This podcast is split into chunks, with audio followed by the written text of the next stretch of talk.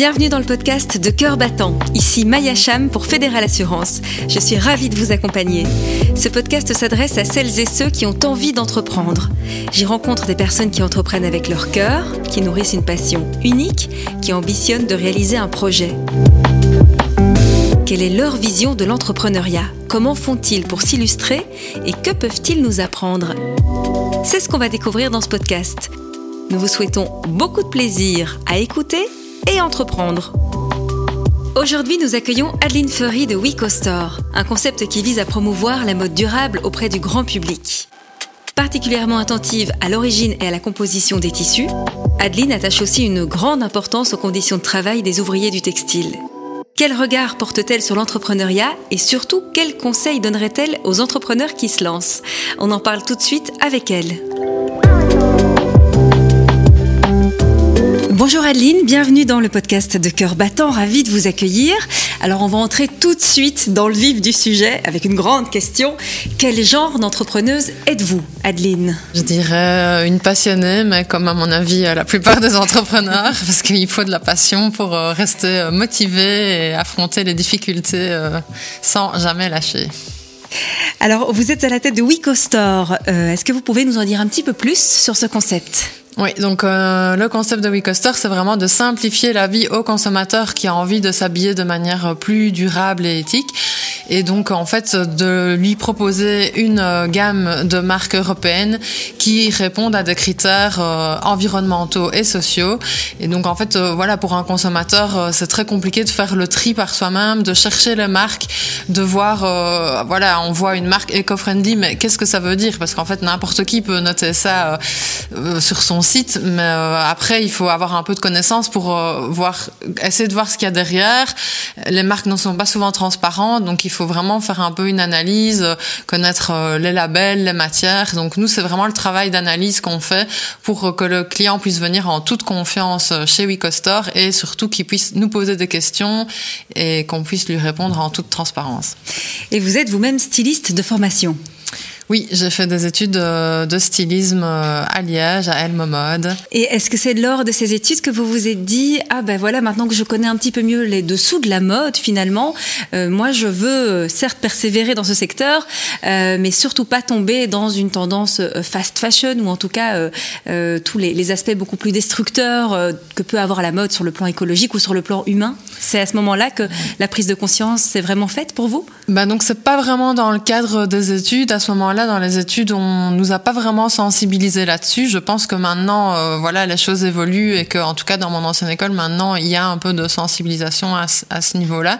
Mais euh, je dirais que c'est au fur et à mesure euh, aussi de mes stages, mais aussi d'avoir vu des documentaires, que je, je, je, me suis rendu compte vraiment de l'envers du décor de la mode et voilà, le côté glamour, c'est vraiment une facette, mais ce qu'il y a derrière n'est vraiment pas du tout glamour.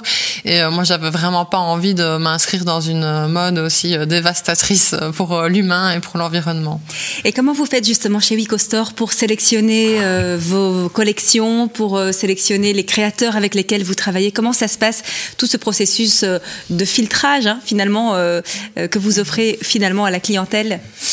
bah alors, euh, on a pas mal de marques qui nous contactent ou alors des clients qui nous parlent de marques qu'ils connaissent. Et alors, euh, on, on, fait vraiment une analyse en fait quand on recherche. Euh, enfin, dès qu'on entend parler d'une marque, on note ça dans un grand catalogue de marques où on a plus de 300 marques notées. Et puis, alors, on veut par exemple rentrer des chaussettes. on va chercher dans ce catalogue toutes les marques de chaussettes. On va d'abord un peu regarder d'un point de vue style, qu'est-ce qui nous plaît. Mm-hmm. C'est un peu le premier critère d'élimination. Et puis alors, les marques qui nous plaisent niveau style, là on va un peu se renseigner, euh, regarder euh, quels sont les matériaux, est-ce qu'il y a des labels qui garantissent euh, des bonnes conditions de travail, est-ce que c'est transparent. on trouve une partie des infos sur les sites et puis après, si les premières réponses sont satisfaisantes et qu'on veut aller plus loin, alors on contacte la marque pour vraiment poser des questions plus approfondies presque lui réclamer un cahier des charges entre guillemets qui correspondrait aux critères euh, que vous avez chez WeCoStore. Oui, voilà. C'est ça. Et quand vous dites que les clients eux-mêmes viennent avec des demandes, vous sentez vraiment euh, un intérêt de plus en plus grand de la part des consommateurs pour une mode plus éthique et plus durable? Oui, bah du coup, nous forcément, les consommateurs qu'on côtoie, ce sont principalement des consommateurs qui sont déjà conscientisés mm. vu qu'ils viennent chez nous. Et en général, oui, les gens, euh, quand, une fois qu'ils sont conscientisés, ils veulent plus euh, acheter ailleurs, mm. et donc ils sont super contents de découvrir notre projet et ils ont envie aussi de pouvoir participer. Et donc oui, nous renseigner des marques pour eux, c'est une manière d'ajouter une petite pierre à l'édifice. Et pour nous, du coup, c'est chouette parce que ça, ça nous facilite le travail de recherche. Euh, et de manière générale, oui, je pense que les consommateurs euh, sont de plus en plus conscientisés. Dans l'alimentaire, on voit bien que le bio a pris vraiment un énorme essor et je pense que dans la mode, ça va suivre. Mhm, c'est ça, le local aussi, effectivement. Euh, comment est-ce que vous pensez que vous pourrez avoir, à travers WeCoStore par exemple, un impact un petit peu plus grand, justement, parce que vous parlez des consommateurs déjà conscientisés, sensibilisés. Est-ce que vous pensez aussi à élargir un petit peu ce cet éventail de consommateurs et aller sensibiliser euh, des personnes qui n'auraient peut-être pas encore euh, cette ouverture à, des produits de mode plus propres oui, bah donc ça c'est vraiment la deuxième mission du Ecostore. Donc la première vraiment euh, promouvoir des marques qui existent auprès de consommateurs qui font la recherche pour trouver euh, ces marques. Et puis la deuxième chose c'est vraiment de euh, conscientiser des consommateurs qui ne sont pas encore conscientisés. Mhm. Et ça, ça passe par de la sensibilisation. D'abord, ben, quand nous on, on, est en train de vendre et qu'on on peut directement parler avec le client, ça passe aussi par les messages sur nos réseaux sociaux, par le fait de participer à des interviews par exemple, comme ici. Mais euh, on espère aussi plus tard pouvoir développer euh, peut-être de la sensibilisation dans les écoles, parce que je pense que c'est bien d'aller vraiment parler euh, déjà aux, jeunes, quoi, qui font le monde de demain et, et puis d'organiser des, des ciné-débats, des, des, ateliers, voilà tout ce genre de choses.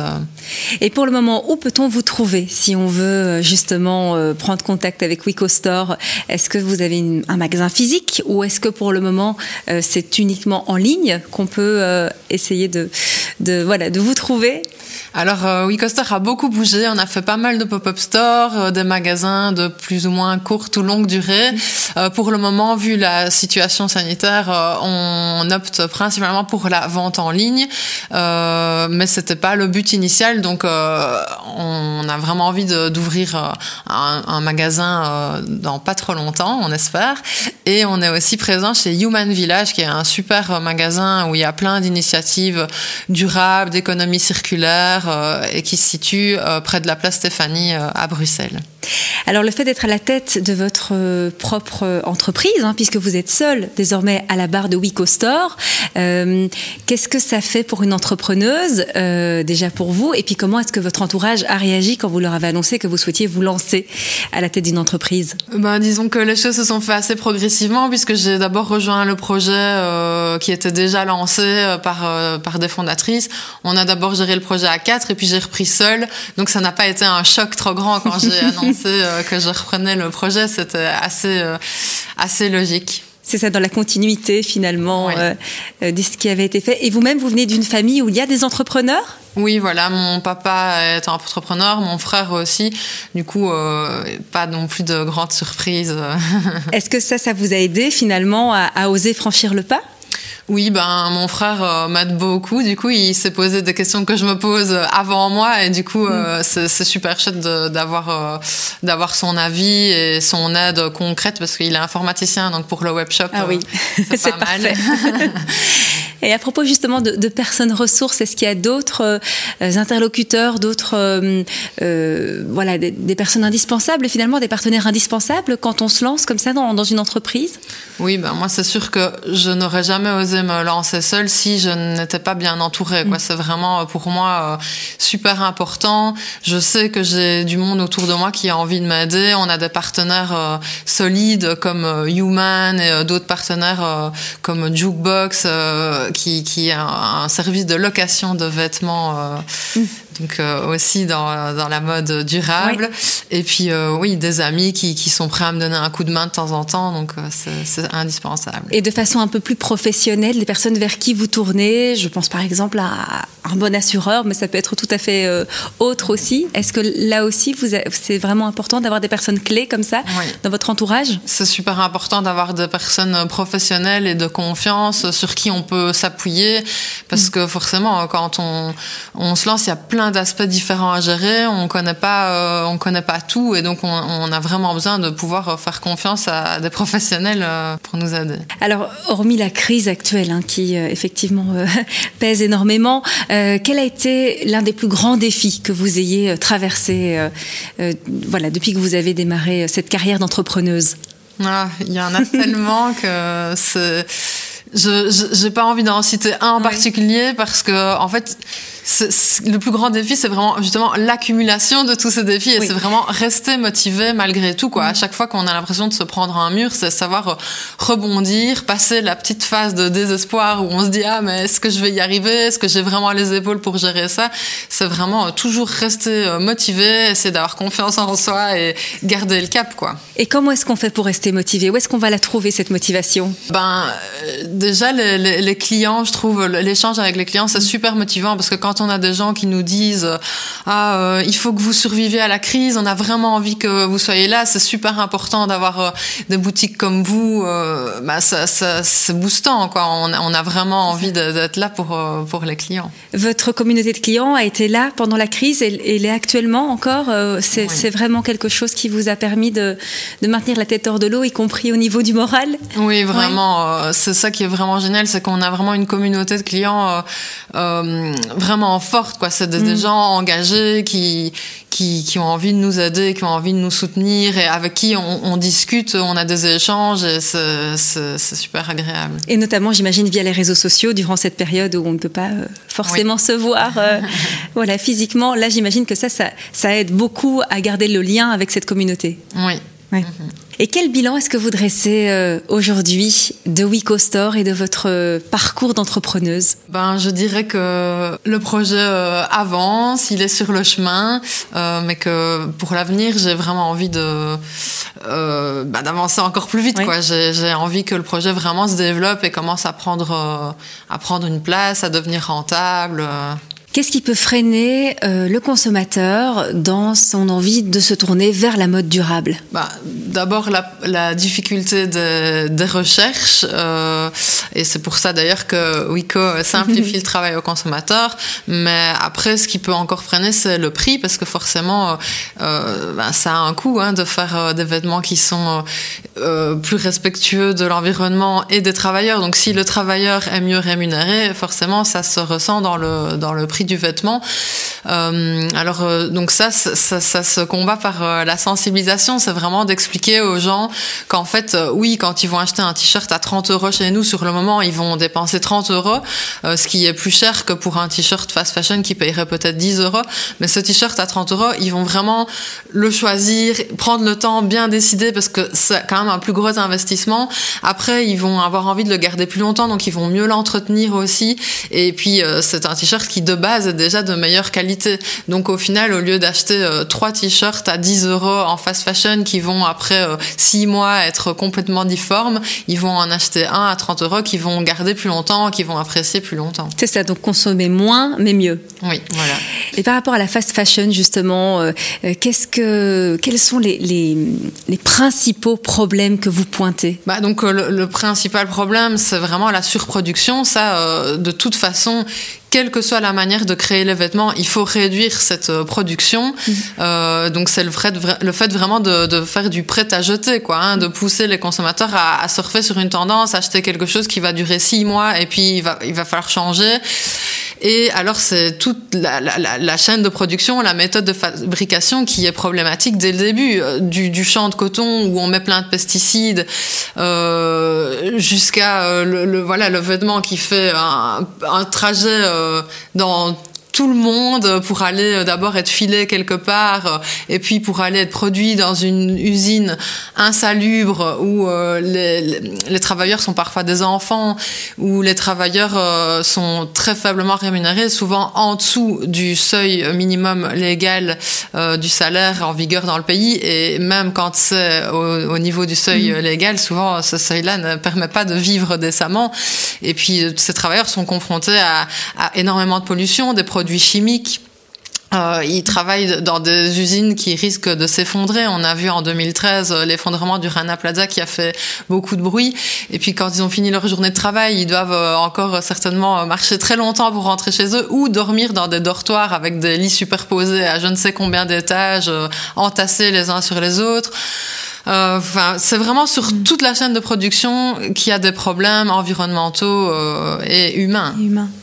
Et justement, euh, parfois les consommateurs se disent ah je regarde l'étiquette, je regarde où c'est produit, ah ça va c'est produit en Europe, donc c'est d'office dans des bonnes conditions de, de, production, alors que ça ça ne veut rien dire. Non non, il faut vraiment se méfier, euh, il faut vraiment se méfier des euh, lieux de production parce que il y a plein d'usines en Europe où les, mm. les, conditions de travail sont déplorables et au contraire il y a certaines usines en Chine, au Bangladesh qui sont certifiées et qui garantissent des bonnes conditions.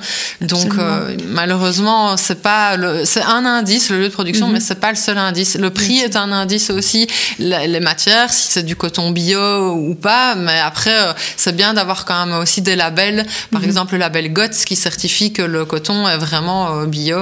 Et alors justement, vous dans les collections que vous proposez, dans les marques que vous sélectionnez chez Wico Store, euh, est-ce que vous pouvez nous donner quelques exemples de ces procédés de production? Oui, donc en fait, euh, nous, euh, bah, voilà, par exemple, on travaille avec des marques qui, qui utilisent du coton bio, on travaille avec des marques qui font du recyclage, donc euh, on a des jeans qui sont faits à partir de jeans recyclés, donc tout un temps on récupérait les jeans pour pouvoir les renvoyer à ce fournisseur aussi qui les recycle. Pareil pour les collants, des collants recyclés. on, on, a des marques qui, qui, par exemple, une marque de bijoux qui récupère des chutes de bois et qui fait des découpes laser. Il y a vraiment plein de manières euh, différentes en fait euh, d'avoir une production euh, plus durable. Mais maintenant, il faut quand même toujours se souvenir que produire, quelle que soit la mm. manière, ça reste impactant pour l'environnement. Donc, il faut vraiment réduire sa consommation. Quoi, c'est quand même, c'est quand même ça le, principal. Bien sûr. Mais d'ailleurs, vous êtes notamment chez Human, hein, donc on l'a dit à Bruxelles, où des produits durables côtoient des, des produits d'économie circulaire de deuxième main finalement. Donc, vous-même dans, dans votre votre concept, euh, euh, vous intégrez le fait que voilà, la deuxième main est aussi une façon euh, de consommer durable, même si évidemment pour une entrepreneuse, j'imagine que c'est pas forcément évident de trouver un équilibre entre, entre les valeurs à, promouvoir et notamment la deuxième main, mais quand même avoir envie que les collections que vous sélectionnez puissent trouver preneur et acquéreur. Euh. Oui, c'est ça, c'est tout le paradoxe euh, dans un projet comme celui-ci, c'est qu'à la fois on dit aux gens il faut consommer moins, mais à la fois on leur dit ah achetez cette super robe qu'on vient de mettre sur le site. Donc il faut vraiment arriver à trouver l'équilibre. Il faut toujours se rappeler que oui, on, doit vendre pour euh, mm. pour exister, mais si on veut vraiment avoir de l'impact et que notre message passe et, transformer les habitudes de consommation, ben oui, il faut qu'on prenne une part de marché. Et donc il faut qu'on qu'on touche des gens, il faut qu'on vende. Donc euh, voilà, c'est vraiment euh, trouver un, équilibre euh, subtil pour être cohérent avec ses valeurs, mais exister quoi. C'est ça. Du coup, une idée reçue aussi de la mode durable, je pense que ça reste encore de croire que du coup c'est des pièces qui sont peut-être un peu bobo, pas très fashion, mais bon, je pense que ce temps-là où on achetait des sarouels en bordure de festival ah est, vraiment dépassé. Maintenant, on peut vraiment trouver une mode durable qui soit euh, quand même euh, à la mode, mm. élégante. Maintenant, évidemment, notre but c'est pas de surfer sur des tendances éphémères qui vont durer six mois et puis qui vont rendre l'événement euh, désuet six mois plus tard. Donc, on essaie quand même de se diriger vers des pièces intemporelles, quoi, des, pièces qui peuvent vraiment durer longtemps.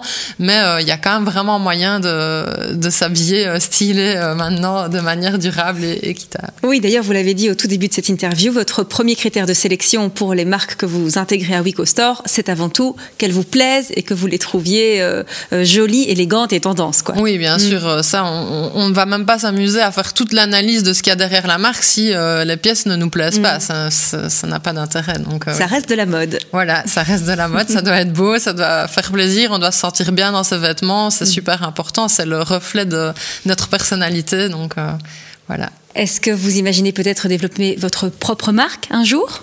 Peut-être un jour, et c'est ça qui est vraiment génial avec ce projet, c'est que ça peut partir dans tous les sens. Quoi. Mm. On peut vraiment euh, imaginer un jour de créer une marque euh, propre. On peut imaginer euh, d'aller nous-mêmes sur place dans les usines vérifier les lieux de production. On peut imaginer de faire de la sensibilisation dans des écoles. Il y a vraiment plein de projets possibles et c'est ça qui est aussi super motivant. Et si vous deviez donner un conseil en or à un jeune entrepreneur ou un entrepreneur qui se lance, en tout cas, quel serait ce conseil ben Pour moi, le plus important, important, c'est de savoir mettre ses limites. Je pense que dans tout projet entrepreneurial, euh, le projet n'a pas vraiment de limite. On peut toujours faire plus, euh, on peut toujours faire mieux. Et donc, euh, si on ne sait pas soi-même à un moment donné fermer son ordi et se dire bon voilà, j'en ai assez fait pour aujourd'hui, tant pis, il y a des clients qui attendent, je suis en retard pour ça, ça, ça. Mais maintenant, je sens que je suis fatiguée et il faut que je me repose. Euh, je pense que là, on, risque vraiment de, s'épuiser, de se démotiver. Et, je pense qu'une des plus grandes causes des abandons, c'est vraiment le burn-out ou enfin l'épuisement moral ou physique. Donc pour moi, ça c'est vraiment euh, le plus gros challenge, c'est de mettre ses limites. Et, tant en investissement en temps, mais aussi en investissement euh, psychologique, quoi. Pouvoir à un moment donné essayer de penser à autre chose, c'est pas facile, euh, mais un peu se déconnecter et relativiser, quoi. Prendre du recul sur les problèmes, essayer de pas se mettre la pression pour des choses qui sont pas si importantes au final. Eh ben, quel bon, ben, quel beau conseil, quelle belle philosophie, je trouve, euh, à mettre en pratique. Merci beaucoup, Adeline, d'avoir partagé avec nous votre témoignage et puis votre engagement aussi hein, pour une mode plus éthique, plus durable. Euh, moi, je suis sûre que votre histoire va en inspirer encore beaucoup d'autres et puis donner l'envie et le courage d'entreprendre en posant ses limites. Attention, c'est important.